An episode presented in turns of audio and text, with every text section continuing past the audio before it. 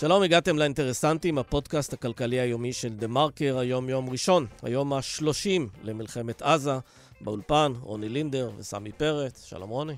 היי סמי, כבר 30 יום, אה? 30 יום, כן. לא יאמן. וזה לא, זה לא נראה שזה הולך להסתיים. ממש לא. אה, הולך להיות אירוע מאוד ארוך, יותר מכל המלחמות שאנחנו הכרנו. אה, למרות שצוק איתן זה היה 50 יום, משהו כזה, אבל אה, זה אבל לא זה צוק לא איתן. דומה. כן. לא דומה בשום דרך, חוץ מזה שזה בעזה. אז אפרופו לא דומה, אתה מדבר היום, כותב היום, על אחת הקונספציות שקרסו במלחמה הזאת, אחת מיני רבות, וזאת ההסתמכות על מודיעין וטכנולוגיה. ומשם אתה לוקח את זה לכך שצריך לחזור ליסודות ההגנה הביטחונית, נוכחות צבאית בנקודות החיכוך וביישובים הסמוכים לגבולות, ואתה אומר, "אה, חסרים לנו חיילים, אנחנו לא יכולים להמשיך אה, לוותר לחרדים על הגיוס. כן, יש פה שילוב של, אה, של כמה קונספציות ש, שקרסו ושיידרשו במסגרת הסדר החדש שיהיה כאן מתישהו, אנחנו לא יודעים להגיד מתי הוא יתחיל, אבל uh, את יודעת, פעם uh, שמעתי מהרבה פעמים מאנשי ביטחון את ההבדל בין ביטחון ובין תחושת ביטחון. Uh, ביטחון זה באמת לספק את כל מה שצריך, אבל זה עדיין לא מספיק, כי אם אתה לא רואה, לא יודע מה, חיילים באזור שלך, אתה עדיין לא חש ביטחון ואתה לא יכול לחזור לחיים רגילים. ופה שני הדברים נפגעו.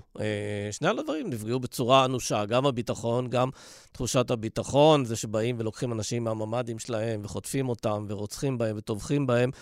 ברמה אה, כזאת שאנשים שחיים לידי במרכז הארץ חוששים לביטחונם. כן, כן. את הדלת נכון, בלילה, נכון. וקיבוצים נועלים. במרכז הארץ עם אה, כן. אה, כיתות כוננות במילואים. לגמרי. אני פגשתי, אגב, מישהו מנירים שסיפר לי שבבוקר של ה-7 באוקטובר הוא יצא לרכיבה והוא לא נועל את הדלת. הוא לא נועל את הדלת, הוא גר בקיבוץ, והם לא נועלים שם את הדלת ככה.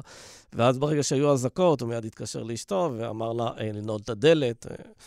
ההמשך ידוע, האיש אבל שרד, אז זה, זה בסדר. אה, בכל מקרה, אה, תראה, אני שומע בשנים האחרונות, במהלך הדיון הזה של השוויון בנטל, אה, את המושג, אה, הצבא לא צריך אותם, הוא לא צריך את החרדים, הוא יכול להסתדר בלי. והנימוק הוא שיש אה, מחזורי גיוס מאוד גדולים. אנחנו מדינה שיש בה פריון ילודה מאוד מאוד גבוה, מחזורי, מחזורי הגיוס, הגיוס גדלים. גם זה, וגם שזה כן. מסובך לגייס את החרדים, בדיוק, בגלל ההתנגדות, בדיוק. ובגלל שהם לא בדיוק אה, אה, מוסללים לעניין הזה. בדיוק, ובגלל שגם במילא זה אתגר כזה קשה, אז אתה מעדיף כבר לכרוך את זה ולהגיד שהמחזורי גיוס גדלים. עכשיו, אה, אנחנו נכנסים למציאות חדשה, כבר נכנסנו אליה. זה אומר שבכל מקום שיש בו מעט חיילים, עכשיו יהיו הרבה חיילים. בכל עמדת שמירה שהיה בה חייל אחד, בקרוב יהיו שניים או שלושה, ובכל נקודת אה, חיכוך. קו התפר, יהודה ושומרון, עוטף עזה, גבול הצפון, אה, יישובים סמוכים. הטראומה הזאת ש- ש- שאנשים זועקים ואין חיילים שיבואו להציל, היא לא כן. יכולה לחזור על עצמה. ועוד דבר שכאילו קרס פה, גם העניין הזה של גדר טכנולוגית, עם הרבה מאוד אמצעים והתראה וכולי, מודיעין שקרס. אז בסופו של דבר, אני חושב שכדי להחזיר את הביטחון ואת תחושת הביטחון, יצטרכו פשוט יותר חיילים. אני מזכיר לך שהצבא נמצא כבר כמה שנים במסלול אה, הופכי, שבו הוא מקצר את שירות החובה, הוא קיצר אותו מ-36 חודשים ל-32 חודשים, וממש עכשיו, לפני חודשיים-שלושה, הוא בנה מסלול חדש, שבעצם אומר שאפשר יהיה להשתחרר אחרי 24 חודשים או 28 חודשים, הכל כפוף ל- לצורכי הצבא. כדי לפתור את כל הבעיות האלה, שצריך יותר חיילים, שצריך יותר משאבים, שצריך יותר ביטחון, שצריך יותר תחושת ביטחון, זה אומר שאתה לא יכול לוותר על החברה החרדית, וצריך להגיד, בכל שנתון, בשנתון האחרון שלהם, יש משהו כמו 13 וחצי אלף צעירים כמובן חרדים שזה רק ילך בני ויגדל. 18. זה בני- יגדל גם וזה ילך מספרית, ויגדל, גם בדיוק. מספרית וגם מבחינת הנתח שזה אה, מכל מחזור גיוס. נכון, נכון. ו... ואז אתה שואל את עצמך, אז אה, אוקיי, נכון שיש אה, קהילות חרדיות שהן מאוד מאוד אה, קיצוניות ואדוקות, ואתה לא יכול אפילו לעשות שום הבקעה שם, אבל אני אומר, נניח שרק היינו מצליחים מתוך הכמעט 14 אלף איש האלה לגייס שליש מהם, כבר היינו עם מספרים מאוד מאוד יפים, שאתה יכול לבנות מהם שלוש או ארבע חטיבות. כן, אז אה, כבר הצבא ראינו- זקוק לדברים האלה, אנחנו יודעים שגם הצבא לא יכול להתבסס לאורך תקופות מאוד מאוד ארוכות על אנשי מילואים, זה יקר, זה משבש את שוק העבודה, ולכן לא תהיה ברירה, אלא צריך לגייס ויותר. יש כל מיני אה, אה, טעימות כאלה של גיוס של אה, אנשים ניצנים. אחרי גיל 26 וכולי. צריך הרבה ראינו- מעבר לזה. גם ראינו ניצנים עכשיו, ממש בזמן המלחמה, שצה"ל באמת אה, גייס אה, אה, חרדים. אה, אומנם באמת מספר קטן, אבל הוא הלך על זה בכל הכוח אה, ברגע שזה התאפשר. אבל כן, צריך להזכיר שמדובר באתגר אדיר, הן בגלל ההתנגדות המאוד גדולה שצפויה להיות פה מצד הממסד החרדי, וגם uh, צריך לדבר גם על מה זה יעשה לנשים, למשל, בצה"ל. אנחנו יודעים שאוכלוסייה מאוד דתית שמתגייסת, uh, יש לה דרישות גם בנוגע להפרדה וכולי, וזה קצת מנוגד למגמה שאנחנו רואים גם עכשיו במלחמה של השתלבות מדהימה של נשים בתוך המערך הלוחם. אז יש פה אתגרים מאוד גדולים. כן, ואפשר לתת לזה פתרונות. הצבא יצטרך פשוט להיכנס לאירוע הזה ולהחליט שהוא באמת בונה מסלולים. תחשבי למשל על ערים כמו ביתר עילית, מודיעין עילית, אלעד, כל מיני מקומות שיצטרכו לחזק שם קו תפר, יותר אבטחה. אבטחה, יותר שומרים וכולי. ולהגן על עצמם גם. ולהגן גם על נכון. עצמם, אין שום סיבה שלא יהיה שם יותר uh, גיוס. וצריך גם להגיד עוד משהו, אנחנו במקביל הרבה על הביקורת על החברה החרדית. אנחנו יודעים שהחברה החרדית כן מתחברת לנושאים של uh, צדקה, של חסד, של uh, סולידריות כזו או אחרת. Uh, גם ראינו את ההתגייסות של זק"א ונהגי אמבולנס ואנשים שבאמת נמצאים פה בלב האירוע. וגם זוכים להערכה של נכון. החברה הישראלית. יש אז רצון ויש שינוי. יש רצון ויש שינוי, ולכן זה. צריך למנף את זה להישג ולהבקעה משמעותית בגיוס חרדים. טוב, בואו נתחיל. אז מה יש לנו היום? אז אה, שבוע לתוך הכניסה הקרקעית של אה, צה"ל לעזה, הכוחות מתקרבים למרכזי הפיקוד והשליטה של חמאס באזורים הכי צפופים של העיר. זה הופך את הלחימה להרבה יותר מורכבת, הרבה יותר אה, מסוכנת. אה, לפחות מה שאנחנו רואים בטלוויזיה, נראה מאוד שונה מבצע צוק איתן, בהיקפי הנזק. במשך הלחימה ובתיאורים על גודל העיר התחתית שנבנתה בעזה. אה, יניב קובוביץ', שהוא הכתב הצבאי של הארץ, ביקר אתמול בעזה יחד עם הכוחות, הוא יספר כאן על מה שהוא ראה שם. וקשה לאמוד את היקף הנזק שנגרם למדינה בעקבות ההפיכה המשטרית שיזם שר המשפטים יריב לוין, אבל ברור שזה אחד המהלכים ההרסניים בתולדות המדינה. הוא החליש אותה ואת מוסדותיה והסיט את תשומת הלב מכל, נוס, מכל נושא אחר, כולל מהביטחון הלאומי. אחרי שסירב במשך חודשים לכנס את הוועדה לבחירת שופטים, הודיע הבוקר לוין לבג"ץ שהוא יכנס את הוועדה בתוך 15 יום. מדוע? כי ציטוט, בעת מלחמה אין מקום לעסוק בנושאים שבמחלוקת, לרבות בנושא הליכי מינוי שופטים. ככה הוא הודיע לבג"ץ. מה זה אומר בדיוק? האם זה לא תרגיל פוליטי? נדבר פה עם הפרשן המשפטי שלנו, עידו באום. כן, צריך לחפש פה את הקאץ', ויש פה איזשהו קאץ', אנחנו נגיע אליו תכף. Uh, תשמעי, טיקטוק הוא מנוע חיפוש ומקור החדשות הראשי עבור יותר מ-50% מבני דור ה-Z. הוא גם מוטה באופן מובהק לטובת תכנים פרו-פלסטינים ואנטי-ישראלים במלחמה הזו. Uh, יותר ויותר אנשים קושרים בין עלייתו של טיקטוק לבין מצבה העגום של ישראל בדעת הקהל העולמית והאנטישמיות הגואה וכל הכישלון ההסברתי שאנחנו חווים פה. אז אנחנו רוצים לברר מה קורה ברשת שהצעירים הכי אוהבים ומה ישראל יכולה, אם בכלל, לעשות בנושא הזה. נדבר פה עם כתבת הטכנולוגיה שלנו, רפאלה גויכמן, ואנחנו מתחילים.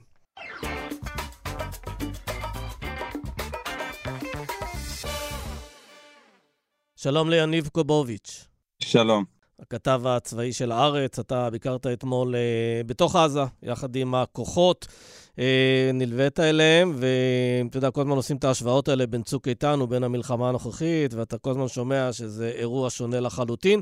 Uh, תשתף אותנו קצת, במה עשית שם, עם מי נכנסת, מה ראית שם? אז אני נכנסתי עם כוחות של אוגדה 36. אנחנו לא ניכנס בדיוק לשמות של היישובים והנקודות, אבל כדי לתת לאנשים מושג, אנחנו ככה במרכז הרצועה, נכנסנו מערבה, הגענו עד לאזור שהוא בדרום העיר עזה. די uh, קרוב למי שמכיר uh, עוד מהעבר, אז uh, ציר סלאח א-דין, שזה הציר הראשי שמוביל לתוך העיר עזה. כן, ומה בעצם uh, פגשתם בדרך תוך כדי הכניסה? עד כמה זה היה נראה אתה יודע, מסוכן, דברים שורקים מעליכם? כן, אז אנחנו התחלנו את הנסיעה בנמר, זה אותו נגמ"ש משוריין אה, שיש היום ללוחמים, אה, הרבה יותר מתקדם, רואים את הכל מתוך הנגמ"ש, יש אה, מערכות אש, וממש ככה דקות מהרגע שעברנו את הגדר, את הגבול לכיוון מערב, לכיוון חוף הים בעזה, עצרו אותנו, uh, היו שם שני מחבלים, אחד חמוש ב-RPG, אחד uh, כנראה בנשק גלצ'ניקוב או משהו דומה, וניהלו את הלחימה הזאת, ו- ומנהלים את ההיתקלות הזאת תוך כדי, ובדרך אגב, כי, כי יש עוד אירועים, כל הזמן נכנסים אירועים של היתקלויות בקשר, אז uh, במקרה הזה באמת uh, טנק של הכוח הזה הצליח לחסל את המחבלים ב... יחסית באופן אה, די מבוקר ובלי שנהיה מאוימים. ואת כל זה ראיתם על המסך? ראיתם על המסך בתוך הנמל? את החוליה עצמה לא ראיתי, אבל אנחנו, המח"ט שהייתי איתו בתוך הנמר הוא זה שניהל את ההתקפה הזאת עליהם. כן. אז uh, בעצם זה, ברגע שסיימנו את ההתקלות הזאת, המשכנו הלאה פנימה לכיוון מערב, ואז נכנסה אינדיקציה של uh, פשיטה מתוכננת בסיכוי גבוה מאוד, של uh, כוחות uh, נוח'בה שיצאו ממנהרה בבית סמוך למקום שאנחנו אמורים להגיע. הגענו וביקשו מאיתנו לעשות את זה, לעשות את זה בריצה, ללכת מאחורי, לרוץ רק מאחורי מסכ, מחסות, סליחה. אה, יש המון ירי, המון ירי בעיקר של אה, צה"ל, אה, המון ארטילריה, המון ירי של צלפים, המון מרגמות, אבל גם שומעים המון ירי מכיוון המחבלים, מי שיודע ככה כבר להשוות, אז יודע איך נשמע קלאץ' או, או RPG, ואיך נשמע ירי של צה"ל. ויש לחימה. עכשיו, צה"ל, אנחנו הגענו לאיזשהו מבנה, אה, בערך 400-500 מטר מאיתנו היה מבנה שאות, שבו אמורים היו הלוחמים של אה, הנוח'בה בחמאס אה, לצאת מהמנהרות. ואז מתחילים ממש לנהל את הלחימה הזאת עם מכוונים מרגמות, יש ירי של החיילים לידינו עם אמצעי כליאה מתקדמים כאלה ואחרים. כולם מנסים להמתין, וברגע שמבינים שהחוליה הזאת כנראה מגיעה מה... מאחד הפירים, אז, אז מכווינים לשם מרגמות, תותחים, שנותנים ארטילריה לאזור ו, ופוגעים במבנה, או לפחות פוגעים ברצון שלהם לצאת לפשיטה הזאת, מעבירים להם את המסר שאנחנו יודעים שאתם בדרך. כן, תגיד, יניב, כל התיאור הזה, ואני שומע עוד כמה תיאורים, נשמע לי אה, כמו מלחמה בחיכוך אה, מאוד מאוד קרוב בין הכוחות שלנו לכוחות של החמאס, אה, ולמרות שיש הרבה מאוד אמצעים וכטב"מים וכל מיני דברים אחרים, גם אם אתה מפעיל אש שלך, ממטוסים, מתותחים, מה שזה לא יהיה, זה עדיין נופל די סמוך לכוחות עצמם של צה"ל, נכון? כלומר, משהו מאוד מאוד צפוף בכל הלחימה הזו. בוודאי, יש גם uh, עדיין מגיעים רחפנים שמטילים uh, פצצות uh, כזה מהאוויר על הכוחות, uh, אז יש איזה נוהל שצועקים uh, שכולם ייכנסו לבתים או משהו כזה, יש איזה נוהל כזה בנושא הזה. צריך להבין, אני, כמו שאמרת, מי שהיה בצוק איתן, לי יצא להילחם uh, כאיש מילואים בעופרת יצוקה, זה, זה לא דומה. אנחנו, כל הזמן צה"ל מנסה להגיד לנו, תקשיבו, אנחנו במלחמה ולא במבצע. ויש לזה משמעות. צה"ל נמצא בכוחות מאוד גדולים, כוחות חזקים, אגרסיביים, זה נקרא צק"חים, זה מעין צוותי קרב חטיבתיים שמורכבים גם מלוחמים על הקרקע, זאת אומרת, גם מלוחמי החי"ר, אה, גם מטנקים, אנשי הנדסה, שריון, ים, יבשה, כוח כזה של... כוח כזה של מאות או אלפי, לא ניכנס בדיוק למספרים, של אלפי לוחמים שיודעים להסתכרן יחד ולתת כוח ומכת אש, ולחמאס אין באמת איך לעצור את זה. הם כן יכולים לפגוע אה, פה ושם בכוחות, בכלי מסוים, אבל אין להם דרך לעצור את זה. צריך להבין, כשאנחנו נכנסנו, אנחנו, אתה לא רואה אנשים. זאת אומרת, אה, עזה, בחלקים מסוימים, במקומות שאנחנו נכנסנו לפחות, זה די דומה, מי שמכיר, אתר לפסולת בניין, ממש ככה. זאת אומרת, הכל הכל אה, ממש הופגז שם בהתחלה מהאוויר, אחר כך עם הכניסה של הכוחות. אין כבישים, אה, אין אה, בתים, זה, זה כאילו ממש הרס כמעט מוחלט. במובן הזה זה, זה גם קצת מקל, אני מניחה, על הלוחמים, הם לא צריכים להיתקל שם באזרחים ובדילמות בלתי נגמרות. בוודאי, ובאותם מקומות, אנחנו היינו במקום שעד ה-7 באוקטובר חיו בו 3,500 אה, אנשים, אה, אין, אין כלום, אבל מה שכן, פתאום רואים מפוזרים, לי זה היה נורא קשה לראות את זה, אבל הקלנועיות מפוזרות בכל מיני מקומות בשטח, שרואים שהביאו אותם מהקיבוצים. ראינו אפילו קלנועיות שהן ממש בפתח של צירים, מה שיכול uh, להעלות הסברה, שמהקלנועית החבר'ה האלה נכנסו למנהרות. עם החטופים. עזה, במר... כנראה, לקחו את החטופים, השאירו את הקלנועיות אה, מבחוץ. צריך להבין, עזה במרחק שלושה קילומטר אווירי. זאת אומרת, אה, להכניס אותם באיזושהי נקודה שם ולהגיע לעזה זה לא איזה משהו מורכב מדי, לא, לא מצריך יותר מדי, זה באמת עניין של שעה והם בתוך העיר עזה. יניב, ספר קצת על הפסיכולוגיה של החיילים, איך, מה המוטיבציה, איך, איך הם מסתכלים על המלחמה הזאת? אנחנו בשלב הראשוני, ובאמת, יש מוטיבציה בשמיים, אבל צריך להגיד, בניגוד ל... למלחמות, למבצעים הקודמים, שכן נכנסו כוחות, אז בדרך כלל הכניסה הייתה ממקום שלנו, של כוח, שבאנו וגייסנו, ואנחנו רוצים לתת uh, תגובה לאיזשהו שיגור, או לטפל במשהו. פה, הלוחמים נכנסו אחרי אירוע קשה, זאת אומרת, זה אירוע שאנחנו כבר כמעט... Uh, חודש. הגענו מהמקום הכי נמוך שיש, מה שהם חוו בקיבוצים, uh, מה שהם ראו בעיניים, מה, החברים שהם איבדו, מכניס אותם באיזשהו מקום, במוד אחר ללחימה. מצד אחד, כן המון מוטיבציה, מצד שני, יש, רואים שיש uh, משהו עבר על החיילים האלה, הם מתמודדים עם מה שהם ראו, זאת אומרת, הם באו מנקודה מאוד של נחיתות uh, לאירוע הזה מבחינה נפשית, אני מדבר. אה, אבל רציתי לשאול אותך לגבי המשך הפעילות, הכוונה היא בעצם להיכנס, מה, להגיע עד לבית חולים שיפא, להיכנס לתוך המנהרות שם, או שיש דרכים אחרות להגיע למוקדי השליטה של חמאס? להיכנס לבית החולים, שאיפה זה כבר אירוע אחר ומורכב שצריך אה, להיות מאושר גם בדרג מדיני, זה לא רק עניין מבצעי.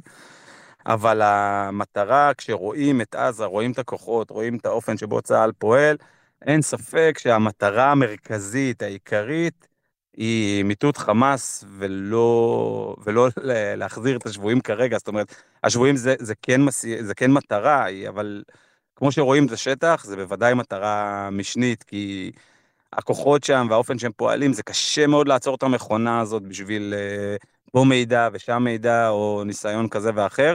יש פשוט ציר אחד שפועל על החטופים, והוא עובד כאילו אין תמרון. יש את התמרון הצה"לי שעובד כאילו אין חטופים. וזה זה, זה כאילו הגישה שרואים כרגע בשטח. לא, אבל ברגע שאתה מספר על הקלנועיות האלה, הדבר הראשון שאני חושב עליו זה האם תוך כדי הלחימה הזו, בעקבות זה שרואים קלנועיות וכל מיני ממצאים אחרים, אה, הצבא גם אוסף מודיעין בנושא של אה, איתור החטופים שם. אז הצבא פחות מתעסק בזה, יש את כוחות הביטחון האחרים, ש...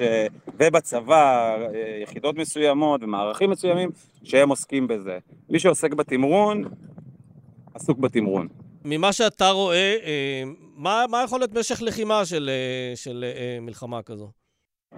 תשמע, הכל תלוי במה שרוצים להשיג פה, אני חושב שפיתחו פה איזה רף ציפיות מוגזם של אם רוצים לעמוד ברף הציפיות שיצרו פה, אז אני לא רואה את זה גם נגמר בש... בתוך שנה. כן. טוב, יניב, נשחרר אותך, אתה עסוק, אתה בדרום. שמור על עצמך, יניב. כן. תודה רבה, הכל טוב. תודה.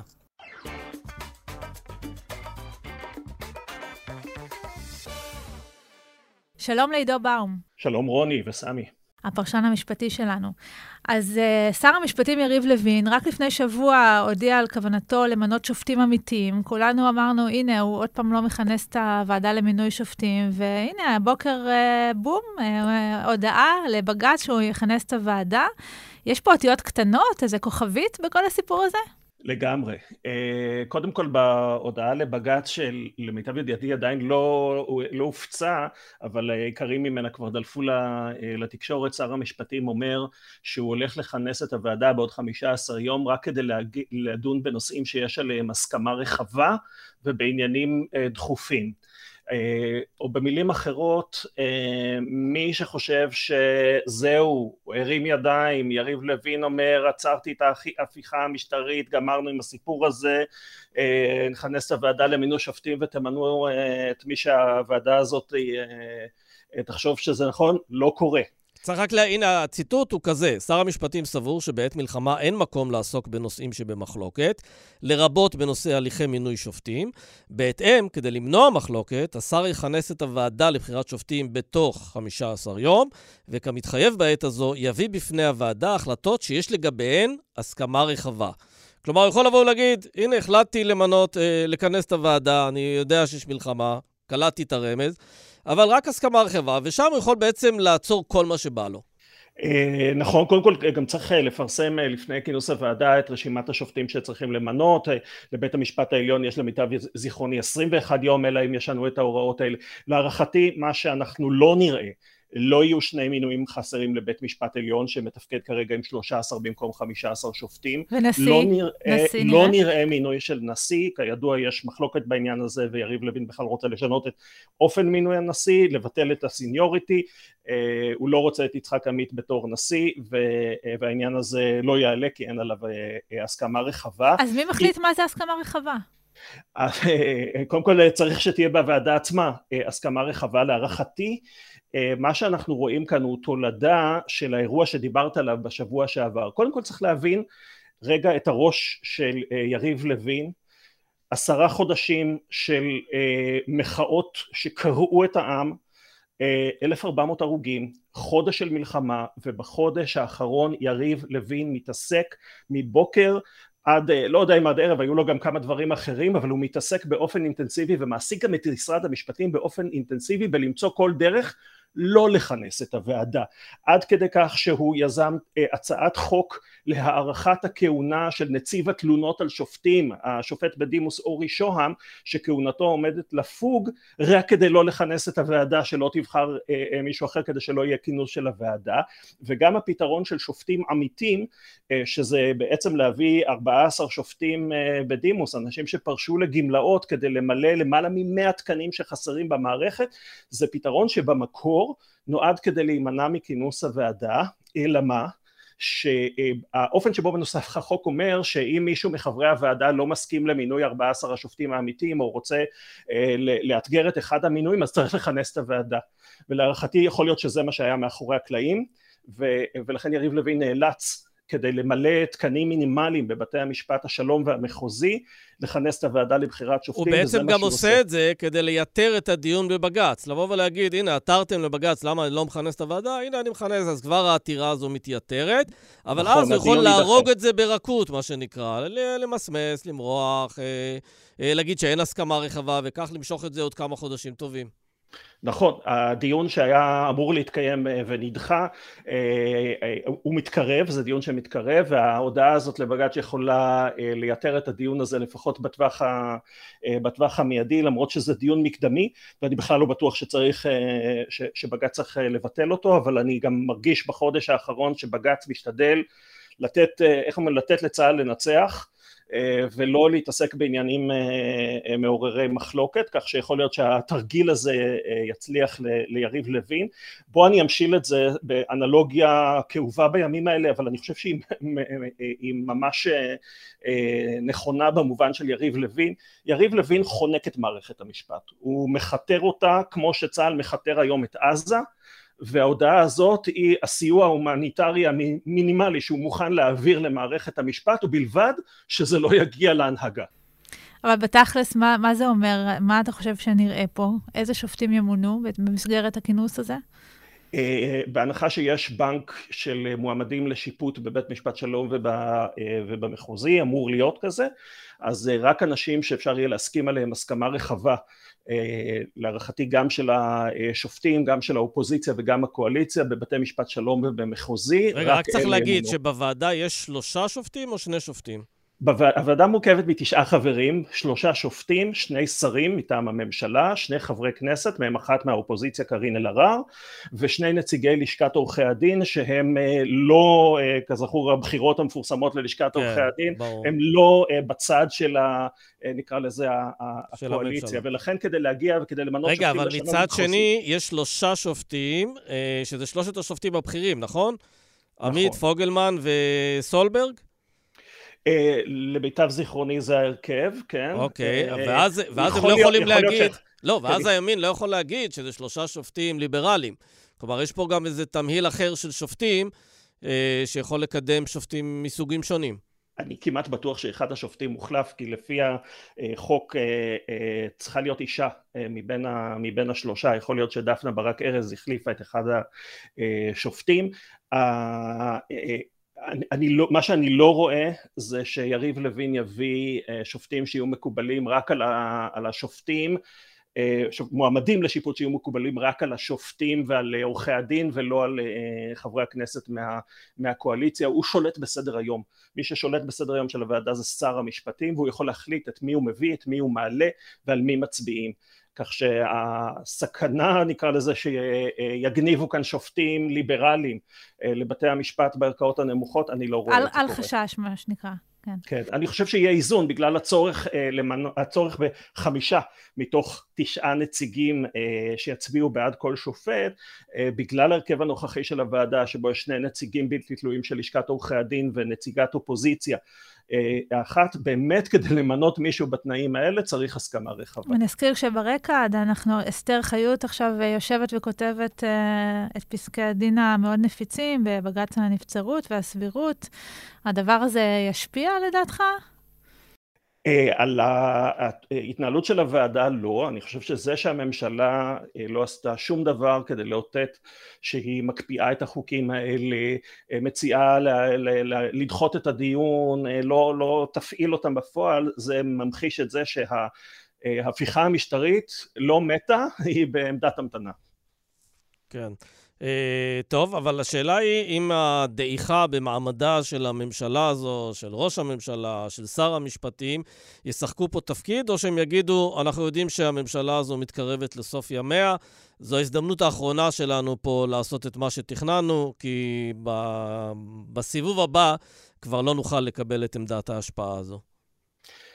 קשה מאוד לומר, קשה מאוד לומר. אני, אני, מה שאני מתרשם זה שהשחקנים המרכזיים שקידמו את ההפיכה המשטרית, שזה יריב לוין ושמחה רוטמן, אה, רחוקים מלוותר, אה, וגם אה, נחושים לעשות מהלכים שיבצרו את האפשרות להמשיך עם, ה, עם ההפיכה המשטרית. אה, ולכן אני חושב שזה באמת, חלק זה קונסטלציה פוליטית של מה שייווצר כאן אה, בשש אחרי המלחמה, אה, וחלק זה גם החלטות של בג"ץ שאנחנו מצפים להם, כמו שאמרת רוני, בטווח הקרוב לכל המאוחר עד ינואר. בקיצור, השמועות על הדיכאון של יריב לוין היו מוקדמות. כן. או, הוא התראיין ברדיו והוא הכחיש אותם, כן. בדיכאון הוא לא. כן. הוא מאוד פעלתן, לעומת זאת, כן. אוקיי, okay, דוקטור עידו באום, תודה. תודה. תודה לכם.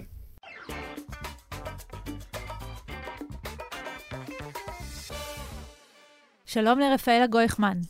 היי רוני, היי סמי. אהלן. אז אנחנו רגילים אה, לדבר על טיק טוק בתור אה, הרשת הזאת שעושים בה ריקודים מצחיקים ושטויות כדי להסיח את הדעת, אבל עבור 50% אה, מדור ה-Z, טיק טוק הפך להיות מנוע חיפוש ומקור החדשות המרכזי. ובהתאם לזה, בזמן האחרון מתגברות, מתגברים הקולות שמדברים על הנזקים של טיקטוק, במיוחד אם אתה ישראלי. לפי סקר של הרווארד, 51% מהאמריקאים בני 18 עד 24, שזה הדור, דור ה-Z, מאמינים שמעשי חמאס מוצדקים למשל. יש יותר ויותר קולות שאומרים שזה קשור קשר ישיר לעניין הזה. ספרי לנו קצת, מה הולך שם בטיקטוק? אז אה, כן, אז קודם כל טיק טוק היא אומנם חברה שרשומה בארצות הברית, אבל היא שייכת לחברה סינית אה, בשם בייטדאנס, והיא בעצם הצליחה לחדור בצורה שיכול, מרק צוקרברג ואילון מאסק יכולים רק לחלום להגיע ככה לבני דור ה-Z, זאת אומרת, זה, זה ממש האפליקציה שהם חיים בה. הם לא צורכים מדיה מסורתית, הם פחות ופחות צורכים את פייסבוק ו, וטוויטר, והם פשוט נמצאים שם בטיק טוק. זה, הם, זה הרבה יותר מבדר אותם, זה הרבה יותר מדבר בשפה שלהם, זה רק וידאו, אין טקסטים ארוכים, אין דיונים עכשיו וחפירות. מישהו ענה לך, ענית לו בחזרה, ואז מתחילים סחבת כזאת. רואים סרטון, נהנים ממנו, אוטומטית האלגוריתם ממשיך לזרוק את, ה, את האנשים, לה, את הצרכנים של האפליקציה לסרטון הבא. אז כאילו נהיה פה איזושהי איזה מין טלוויזיה מהירה כזאתי, שהרבה יותר כיף להם לצרוך מכל מדיה אחרת, והם מאוד מתחברים אליה וגם צורכים בה את האקטואליה שלהם בין ריקודים. כן, אבל רפאלה. תסבירי משהו. אם אנחנו כזה Start-Up Nation, ויש לנו פה הרבה מאוד מוחות שיודעים לעבוד עם הדברים האלה ולפתח עבורם דברים, איך זה שדווקא הנרטיב הפלסטיני אה, מקבל יותר בולטות, גם בקידום של, אה, של סרטונים, גם אולי בתמיכה שמצליחים להשיג בקרב קהל צעיר בעולם? מה אנחנו לא עושים נכון, או מה הפלסטינים עושים נכון, או מה טיקטוק בכבודה ובעצמה אה, עושה עם האלגוריתם שלה, שגורם לנו לא לנצח במאבק הזה, בוא נאמר כך. אז, אז יש פה כמה דברים שעובדים בו זמנית. Uh, לצערנו, לסטארט-אפ ניישן שלנו אין שום קשר לאיך עובדת, איך עובד האלגוריתם של uh, רשת חברתית. הם תמיד מאוד מסתירים את הדברים האלה, הם לא באמת גלויים באיך הדברים האלה עובדים, והעניין פה הוא, הוא של כמה דברים במקביל. קודם כל, עניין כמותי.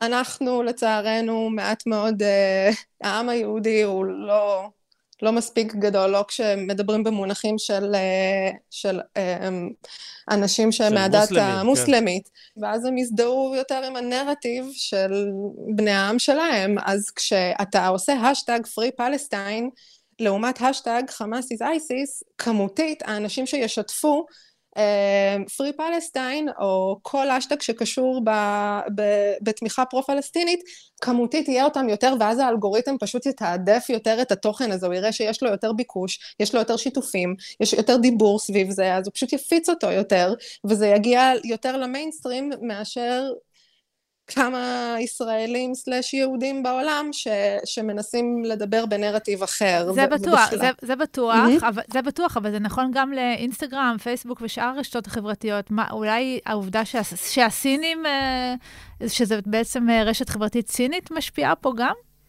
קודם כל זה תמיד רלוונטי, כן? זה... פה אנחנו נכנסים שוב פעם למחוזות קצת של השערות ואיך ואולי כי אנחנו לא יכולים לדעת, אנחנו לא יכולים להתחבר לאלגוריתם של טיק טוק וללמוד אותו ולדעת מי מנהל אותו איך ה... ואיך המידע שם רץ ואיך מקבלים החלטות. אנחנו לא יכולים לדעת את זה, אנחנו יכולים רק לשער שיש אינטרס, אינטרס מסוים של מדינה מסוימת ששייכת לציר מסוים שאנחנו לא חלק ממנו, ואני מסייגת מאוד את הדברים שאני אומרת. כן, יש אינטרס, ו, ויש על זה הרבה דיבור בפלטפורמות בינלאומיות, זאת אומרת באתרי חדשות בינלאומיים, בעיקר אמריקאים, שניסו לנתח את האלגוריתם ולהבין איך זה עובד, ו, ו, ויש כל מיני מסקנות שהסינים בעצם שלחו את היד שלהם החוצה מסין דרך הרשתות החברתיות, דרך מקום ש, שהם סוג של עשו קיימברידג' אנליטיקה, למי שמכיר את ה... את האירוע הזה שבו הייתה התערבות חיצונית בבחירות בארצות הברית דרך הרשתות החברתיות. אתה לוקח מידע של אנשים, אתה יודע למי אתה מדבר, ואתה מגיש לו את זה יותר ויותר, אתה מאכיל אותו במסרים מבחוץ שתואמים את האינטרס שלך, ואז אתה מייצר אצלו את הנרטיב שאתה רוצה שהוא ישתה אותו, ואחר כך גם יקיא אותו החוצה. כן, רפאלה, אבל צריך להגיד פה משהו. אה, יש כתבה דווקא שמתפרסמת היום באקונומיסט, mm-hmm. שאומרת שהתמיכה בישראל, בעולם, היא גדולה בהרבה ממה שנראה ברשתות החברתיות. כאילו, יש פה שני עולמות אה, מקבילים. העולם של הרשתות החברתיות, שבו כמובן יש נוכחות מאוד גדולה לאנשים יותר צעירים, והעולם mm-hmm. הרגיל, נקרא לו ככה, שהוא דוגם את כל האוכלוסייה. וזה מעורר את השאלה, מבחינת uh, המאמץ הישראלי, מאמץ ההסברה, אנחנו יודעים שההסברה הישראלית כושלת כנראה בכל העולמות, גם בעולם הרגיל וגם בעולם ה, uh, של הרשתות החברתיות, אבל אם היה צריך להמליץ למישהו משהו לעשות, אז איפה היה צריך למקד את זה? בעולמות האלה של רשתות חברתיות?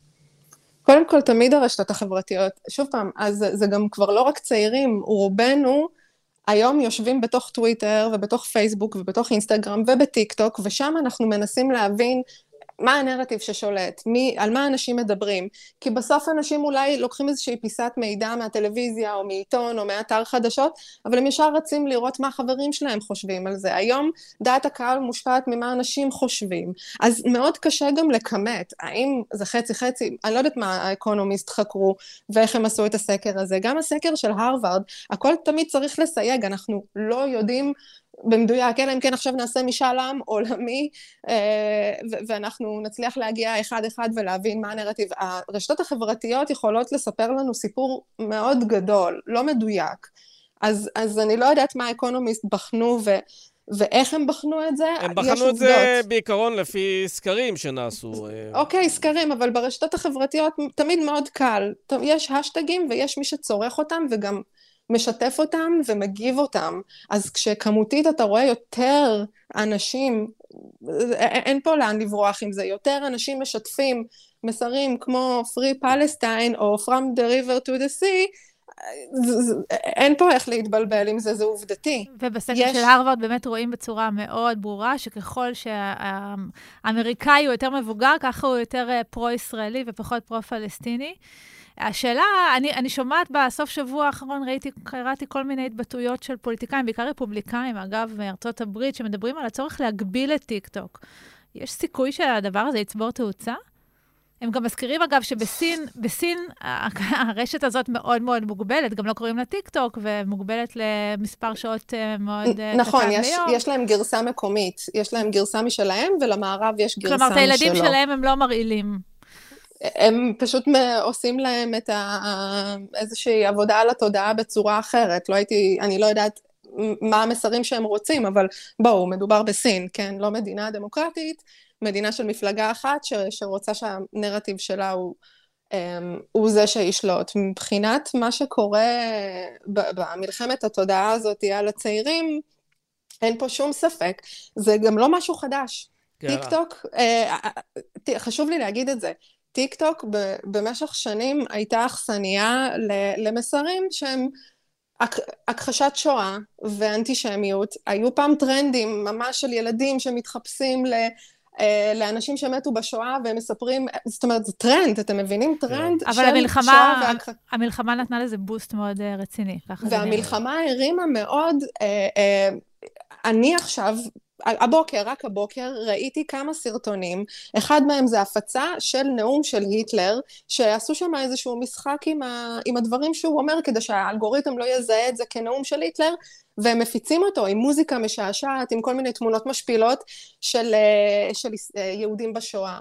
אה, יש עוד, אחד האשטגים הכי נפוצים היום זה, במקום להגיד היטלר, אז הם קוראים לו צייר אוסטרי, והמון תוכן שעולה תחת השם צייר אוסטרי, ולמה הצייר האוסטרי לא סיים את העבודה שלו. כן. עם כל האהבה והכבוד למה שטיקטוק חושבת שהיא עושה ושהיא נלחמת באנטישמיות והכחשת הטבח, היא לא מצליחה. כן, אז בואו, אז בעניין הזה, אני, אני רוצה להקריא לך משהו שקראתי אה, ממש לפני שעה, שצייץ אה, מייקל אה, אייזנברג, שהוא איש יזם הייטק, את מכירה אותו.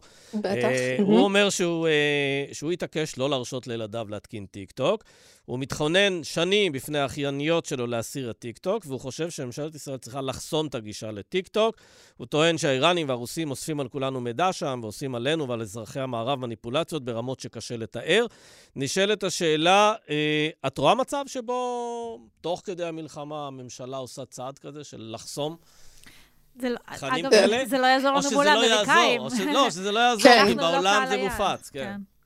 זהו, אני, לא, לא, זה, אתה יודע, ברגע שאומרים לאנשים לא, אז הם רצים לראות מה קורה. נכון. בדיוק במקום הזה. הבעיה היא לא ישראלית, הבעיה היא לא מקומית. הבעיה היא עולמית, הבעיה היא בעיקר העולם המערבי, ש, שיותר ויותר מפנה את המשאבים שלו. הם עושים עבודה מאוד טובה בלייחצן את האפליקציה לחברות, בואו תעלו אצלנו את התוכן שלכם, ככה תמצאו את קהל היעד שלכם. הם ממש, כמו כל רשת חברתית, הם מנסים להביא אליהם את המפרסמים והם מלמדים אותם את כל ההשטגים וכל הפילטרים והדברים המגניבים והמוזיקה ואיך לעשות את זה. כולם רוצים להיות בטיק טוק, לך תשכנע עכשיו מלא חברות עסקיות שהשקיעו כל כך הרבה במשפיענים שנמצאים בטיק טוק ומביאים להם לקוחות ו... זה, זה, זה בור בלי תחתית. כן. אני לא רואה איך פשוט עוצרים את טיק טוק וסוגרים אותה. היא מפלצת, כבר שני מיליארד אה, משתמשים בעולם, אה, היא מאוד פופולרית בישראל, כן, היא מאוד פופולרית בעולם המערבי. זה, זה משהו שאנשים שדווקא מבינים בטיקטוק, זאת אומרת משפיענים ישראלים, משהו ששוב פעם הממשלה שלנו נכשלת לעשות, לגייס את האנשים שידעו כן. ומכירים את האלגוריתם ויודעים איך לעבוד איתו ומבינים כן. איך לנטרל את הדבר הזה, איך לנטרל את הכחשת הטבח שהפכה להיות מאוד פופולרית בטיקטוק, אולי, מכחישים. אולי זה יהיה חלק mm-hmm. מההתעוררות של העולם המערבי, עוד מוקדם uh, להסיק מסקנות מהמלחמה הזאת שעוד בעיצומה, אולי בתחילתה, בהחלט. אבל אולי, אולי יהיו פה תהליכים מעניינים גם בעניין הזה. תודה רבה, תודה רפאלה גויכמן. תודה לכם. זהו, עד כאן האינטרסנטים uh, להיום. רוני לינדר, תודה רבה לך. תודה, סמי. נגיד תודה לדן ברומר, אברי רוזן צבי ואמיר פקטור. אנחנו נהיה פה כרגיל גם מחר. תודה ולהתראות.